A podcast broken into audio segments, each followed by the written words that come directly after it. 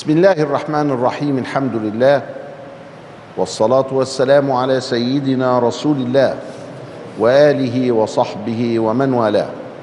مع أنوار الحبيب صلى الله عليه وآله وسلم نعيش هذه اللحظات. كان سيدنا رسول الله صلى الله عليه وسلم ولد في مكة المكرمة. وعرفنا أنه ولد بعد فجر وقبل شروق يوم الاثنين وكان الثاني عشر من ربيع الأول ويوافق العشرين من إبريل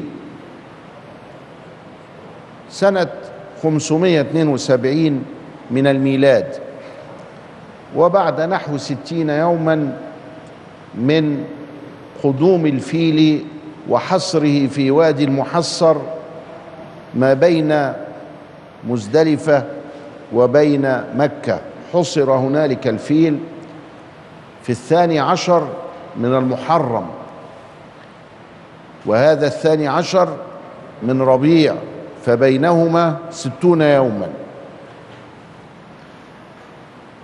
وعرفنا أنه عاش في مكة. وعاش في مكة إلى سن الثالثة والخمسين.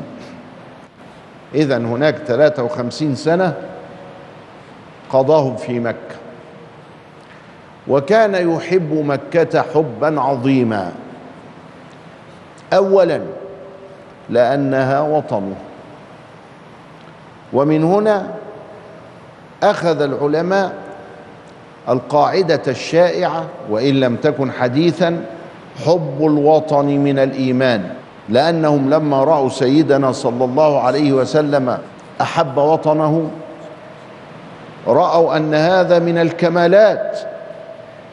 فإن رسول الله صلى الله عليه وسلم أراد الله له الكمالات وقال وهو يخاطبها ألا, أن ألا إنك أحب أرض الله. انظر إلى أرض الله يعني أرض الله مستوية متساوية. لكن أنت أحب إلي أنا أحب أرض الله إلي. ولولا أن أهلك أخرجوني ما خرجت منك. ولما نزل الوحي وذهبت به السيدة خديجة عليها السلام وقلنا قبل كده عليها السلام لأن الله بلغها عن طريق جبريل السلام فقالت عليك وعليه السلام. يبقى تملي نقول إيه؟ خديجة عليها السلام. فلما ذهبت به إلى ورقة ابن نوفل قال يا ليتني كنت فيها جذعا إذ أخرجوك من مكة. قال أو مخرجيهم عليه الصلاة والسلام. هم هيخرجوني؟ بحبها. اتربى فيها ذكرياته فيها مال أبيه وجده فيها. صلى الله عليه وسلم. والأمر الثاني أنها محل نظر الله لأن الكعبة دي محل نظر الله. فمكة هي أم القرى. فتلاقي فيها روحانية لا تجدها في غيرها. وهي على صورة قمع. الجبال محيطة بها كده. والكعبة في رأس القمع ده. ولذلك لما بتنزل السيول تغرق الكعبة. والكعبة لما نزلت فيها سيول مرة هدتها ومرة كان السيل 3 متر. الكعبة ارتفاعها دلوقتي 27 ذراع يعني 13 متر تقريبا. ف3 متر ده ده ده, ده عملية صعبة فطاف ابن الزبير حولها عائمة من خصائص سيدنا عبد الله بن الزبير كده أنه طاف حول الكعبة عائمة. خد السبع اشواط بس عوم سباحة لأن المية لو كنا قعدت على ال- القاع هتبقى قدامك يعني غرقان يعني فطاف حولها عائمة. بيعملوا حاجات بقى ومسارب وكده علشان ما تتكررش الحكاية دي لكن بتتكرر لما يكون الس- السيل شديد أكتر من المسارب اللي هم عاملينها. فاولا لأنها وطنه وثانيا لأنها محل نظر الله. يبقى اذا حب الوطن صحيح من الإيمان لأنه من الكمالات التي أجراها الله على قلب نبيه صلى الله عليه وسلم. تيجي بقى تقول له يا أخي ده حب الوطن من الإيمان. قوم يقول لك إيه؟ لا ده حديث موضوع. طب افرض إنه حديث موضوع افرض إنه مش حديث خالص. مين اللي قال لك إنه حديث؟ لا ما هو ده حديث موضوع. طب يبقى نعمل إيه؟ يبقى لازم نكره الأوطان. لازم نسب في وطننا. لازم ننتقد ونقول إن ده بلد ابن كلب. بدا كلام يرضي ربنا. ده حب الأوطان يا أخي من الكمالات. ده حب الأوطان من الذي أجراه الله على قلب المصطفى صلى الله عليه وسلم. الله. شغلانة إيه دي؟ لكن العقلية كده المنحرفة. ده أنا سمعت إن حب الوطن من الإيمان ده حديث موضوع. هو مش حديث أصلا طيب يترتب على كده إيه؟ يترتب على كده إن لازم نخالفه. الله. يعني لما واحد هيجي يقول لك قال رسول الله قل لا إله إلا الله. وهو ما قالش قل لا إله إلا الله. ده الحديث بس كده يعني. والحديث ده مش حديث. ما تقولش. يلا بقى نقول لأنه ليس هناك إله ولا إيه يعني. برضو عملوا كده. جماعة النابتة يقول لك نعم المذكر السبحة. ده حديث ضعيف. قال لك الحديث ده موضوع. طب موضوع. يبقى السبحة بدعة. مصيبة إيه دي؟ فاذا يجب علينا إن إحنا نتنبه إنه مش كده. التفكير المستقيم مش كده. التفكير المستقيم ساعات بتبقى في حقائق ولما يلاقوها حقائق ينسبوها إلى النبي مثلا. بس دي هي حقائق. لما مثلا يقول لك المعتة ده بيت الداء. المعدة بيت الداء. ده كلام جالينوس. قالوا قال رسول الله المعدة بيت الداء. ما قالش. بس المعدة بيت الداء هي أول الداء هي المعدة. إنما النبي قال إيه؟ بحسب ابن آدم لقيمات يقمن صلبة فإن كان ولا بد فاعلا فثلث لطعامه وثلث لشرابه وثلث لنفسه. أهو ده قالها كده. يقول لك يوم صومكم يوم نحركم يوم سنتكم الجديدة. دي قاعدة فلكية. يقول قال رسول الله لا ما قالش. لم يقل رسول الله هذا. بس دي قاعدة. تقعد تعملها كده تلاقيها صحيحة. الله. غالبا ما هي أغلبية. فإذا يبقى مش كل حاجة نسمعها وتبقى فعلا ما هياش حديث. يبقى لا نفتري ونقول قال رسول الله ولا كمان نرد الحقائق. سيدنا رسول الله جلس في مكة 53 سنة فأحبها حبا شديدا. سيدنا رسول الله صلى الله عليه وسلم لم يرى البحر في حياته قط. آه لم يرى البحر في حياته قط.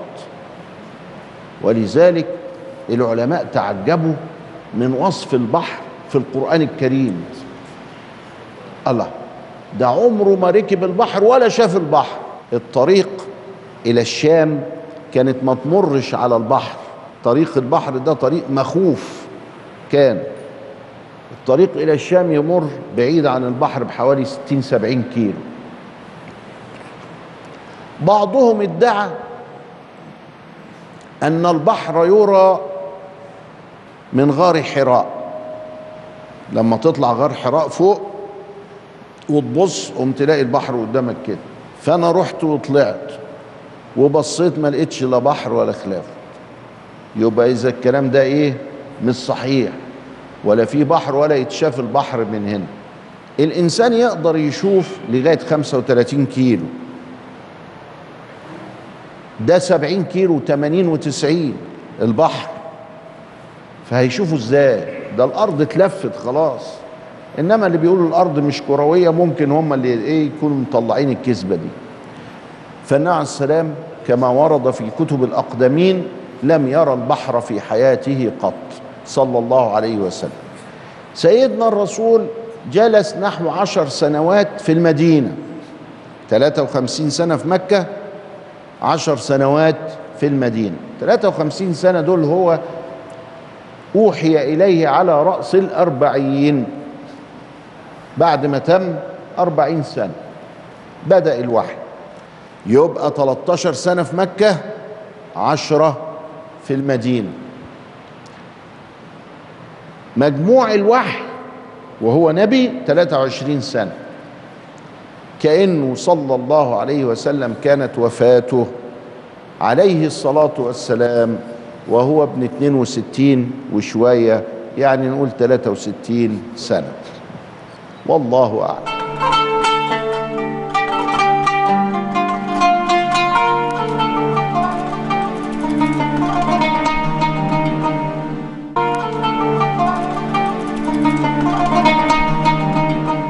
بسم الله الرحمن الرحيم. لما جلس سيدنا صلى الله عليه وسلم أربعين سنة في مكة من غير وحي. كان مثالا للطهر وللعفاف وللصدق وللأمانة وللذكاء. وكان يحب مكارم الأخلاق. وكان صلى الله عليه وسلم تميل نفسه إلى شيء من العزلة والتفكر والتدبر. ولذلك كان أهل مكة يرونه قد استوفى صفات الملك. يعني ده ينفع ملك ده. لأنه كريم لأنه ذكي لأنه هادئ النفس لأنه لا يؤذي أحدا لأنه أمين. لأنه وكانوا يدعون يودعون عنده الودائع. كل واحد بيودع ودائع عند الشرفاء الكبار. فيودعونها عند أبو لهب عند أبو جهل. وتيجي تطالبه يلعب معاك طب فوت عليا بكرة. أصل المفتاح ضايع بتاع الدولاب. اصل هو أنا عندي مشوار دلوقتي. أما محمد فكان يسلم الشيء كما هو بربطته مقفول زي ما هو. فوثق فيه الناس وثق الناس فيه جدا حتى إنه كان مخصصا لمكان للودائع.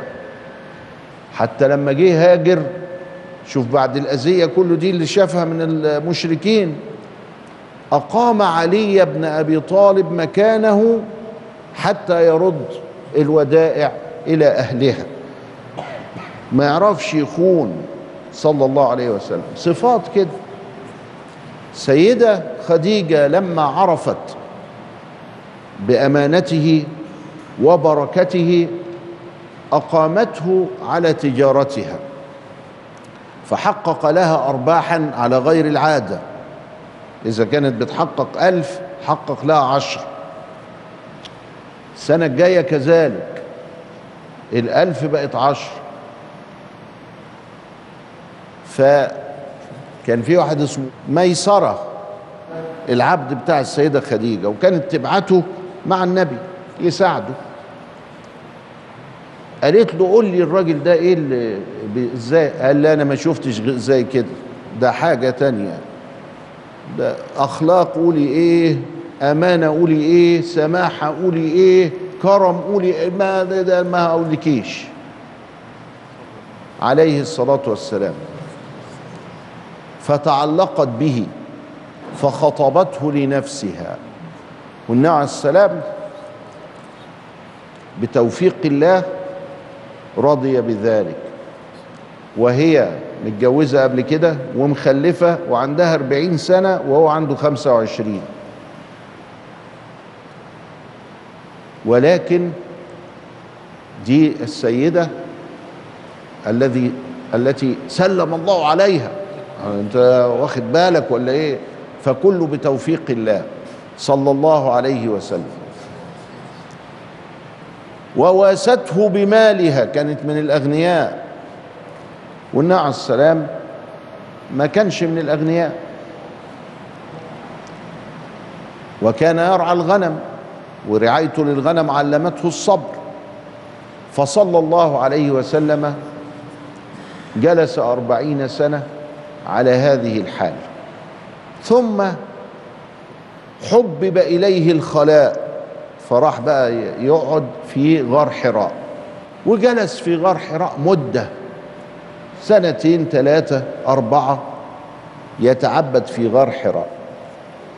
وبعدين لما بلغ الأربعين ابتدت مظاهر تظهر عليه بيسموها العلماء إرهاصات. إرهاصات دي معناها إيه؟ تمهيد. مم؟ معناها يعني الحاجات اللي, اللي بتسبق الحدث الكبير سموها إرهاصات. لما تلاقي فيه زمجرة هنا وزمجرة هنا واعتراض هنا وتقول دي إرهاصات الثورة. إرهاصات يعني علامات بتقول إن في حاجة هتحصل. دي الإرهاصات في اللغة العربية. ففي حاجة هتحصل. فحبب إليه الخلاء. دي نمرة واحد. نمرة اتنين ابتدت كائنات وجمادات يسمع صوتها. يسمع صوتها. حجر إني أعرف حجرا بمكة. كان يسلم علي. عليه الصلاة والسلام. ربنا بيهيئه علشان ما يتخضش لأن حكاية الوحي دي صعبة قوي علشان يرفع الخيط اللي بين الحياة الدنيا وبين ما وراء المنظور ما عند الله فما يتخضش ما يحصلوش أزمة قلبية. أبدا. أول مرة كانت شق الصدر عند حليمة ودي بقى حجر بيسلم. يبص كده حجر. يشوف حد يكون مستخبي ولا حاجة بيعمل فيه نكت ولا بتاع مفيش حجر. يمشي. وهو راجع يسلم عليه تاني. الله يعني هو اللي هيعمل فيه حاجة مستخبي من ساعتها؟ ما هو آه؟ فبيديله إيه؟ تهيئة إرهاصات. يروح قعد ست شهور. ستة في تلاتين بكام؟ بمية وتمانين. اخصم منهم ثلاثة علشان الشهر ساعات يبقى تسعة وعشرين وساعات كده يبقى مية وكام؟ مية سبعة وسبعين. كل يوم على الله. يشوف منام. شريط اللي هيحصل بكرة. بكرة السبت. هيحصل لي إيه؟ هقوم أصلي الفجر وبعدين هروح مش عارف الشغل وبعدين هاجي وبعدين هلتقي مع فلان وعلان وتركان وسلان وبعدين هعمل كذا وبعدين هنام وهاكل كذا وهشرب كذا إلى آخره. قوم يشوف الكلام ده في المنام. يصبح يلاقيه زي ما هو. إيه ده؟ أنا البتاع ده شفته قبل كده ولا إيه؟ ما هو واحد يقول كده. أنا متهيألي شفتك قبل كده. أنا متهيألي الحدث ده حصل قبل كده وبيقولوا إن في فصين في الدماغ. فص بيدرك قبل الفص الثاني فتحصل لك الحكاية دي. بس هو بقى علشان ما لو حصلت مرة مرتين ثلاثة عشرة نقول إن الفص ده والفص ده وكده. لكن 177 مرة وكلها تيجي بالظبط آه لا دي حاجة تانية بقى. ده ده إعداد. ولذلك كان يقول الرؤيا الصادقة جزء من ست وأربعين جزءا من النبوة. خلي بالك من الكلام. ده كلام ما ينفعش يخرج إلا من واحد ربنا أوحى إليه. جزء من 46 جزء من النبوة. إيش عجب يعني؟ اشمعنى 46 ما كانتش 45 ليه ولا كانت آه، 48 لأن النبي قعد 23 سنة وال 23 سنة فيهم كام نص سنة؟ مش الست شهور نص سنة؟ طيب ال 23 فيهم كام نص سنة؟ 46 طب وهو كان عارف انه هيقعد 23 ما هو ملوش دعوة. ده ربنا اللي بيقول هتقعد تفكر هو كان عارف وهو مش عارف. ما تحرر نفسك وتسلم روحك لسيدنا. سلم روحك لسيدنا. لأن الحكاية ملهاش حل. ده نبي يعني نبي. مين اللي قال لك إنه 46 جزء من النبوة؟ طب ما يكونش 45 ليه؟ طب وأنت عارف إنك هتقعد ثلاثة لا. والله ما هو عارف. ده حاجة بأمر الله. ولكن القضية هي إن ده وما ينطق عن الهوى إن هو إلا وحي يوحى. علمه شديد القوى أهو من الحكاية كده ماشية كده معانا. اذا نص سنة وهو قاعد يشوف رؤى. كل يوم لغاية بقى ما أسلم بقى. خلاص أنا النهارده هعرف بالليل في المنام اللي هيحصل بكرة. وبدأ الوحي بالرؤيا الصادقة فكان لا يرى رؤيا إلا جاءت كفلق الصبح. فبعض الناس يقول لك هو رأى إيه؟ لا رأى اللي هيحصل. مش رأى رؤية معينة يعني زي السبع بقرات سمان يأكلهن سبع عجاف لا ده هو رأى ما الذي سيحدث غدا. لمدة ست شهور. نعم. ثم بعد ذلك جاءه الوحي وهو في غار حراء. إلى لقاء آخر. أستودعكم الله. والسلام عليكم ورحمة الله وبركاته.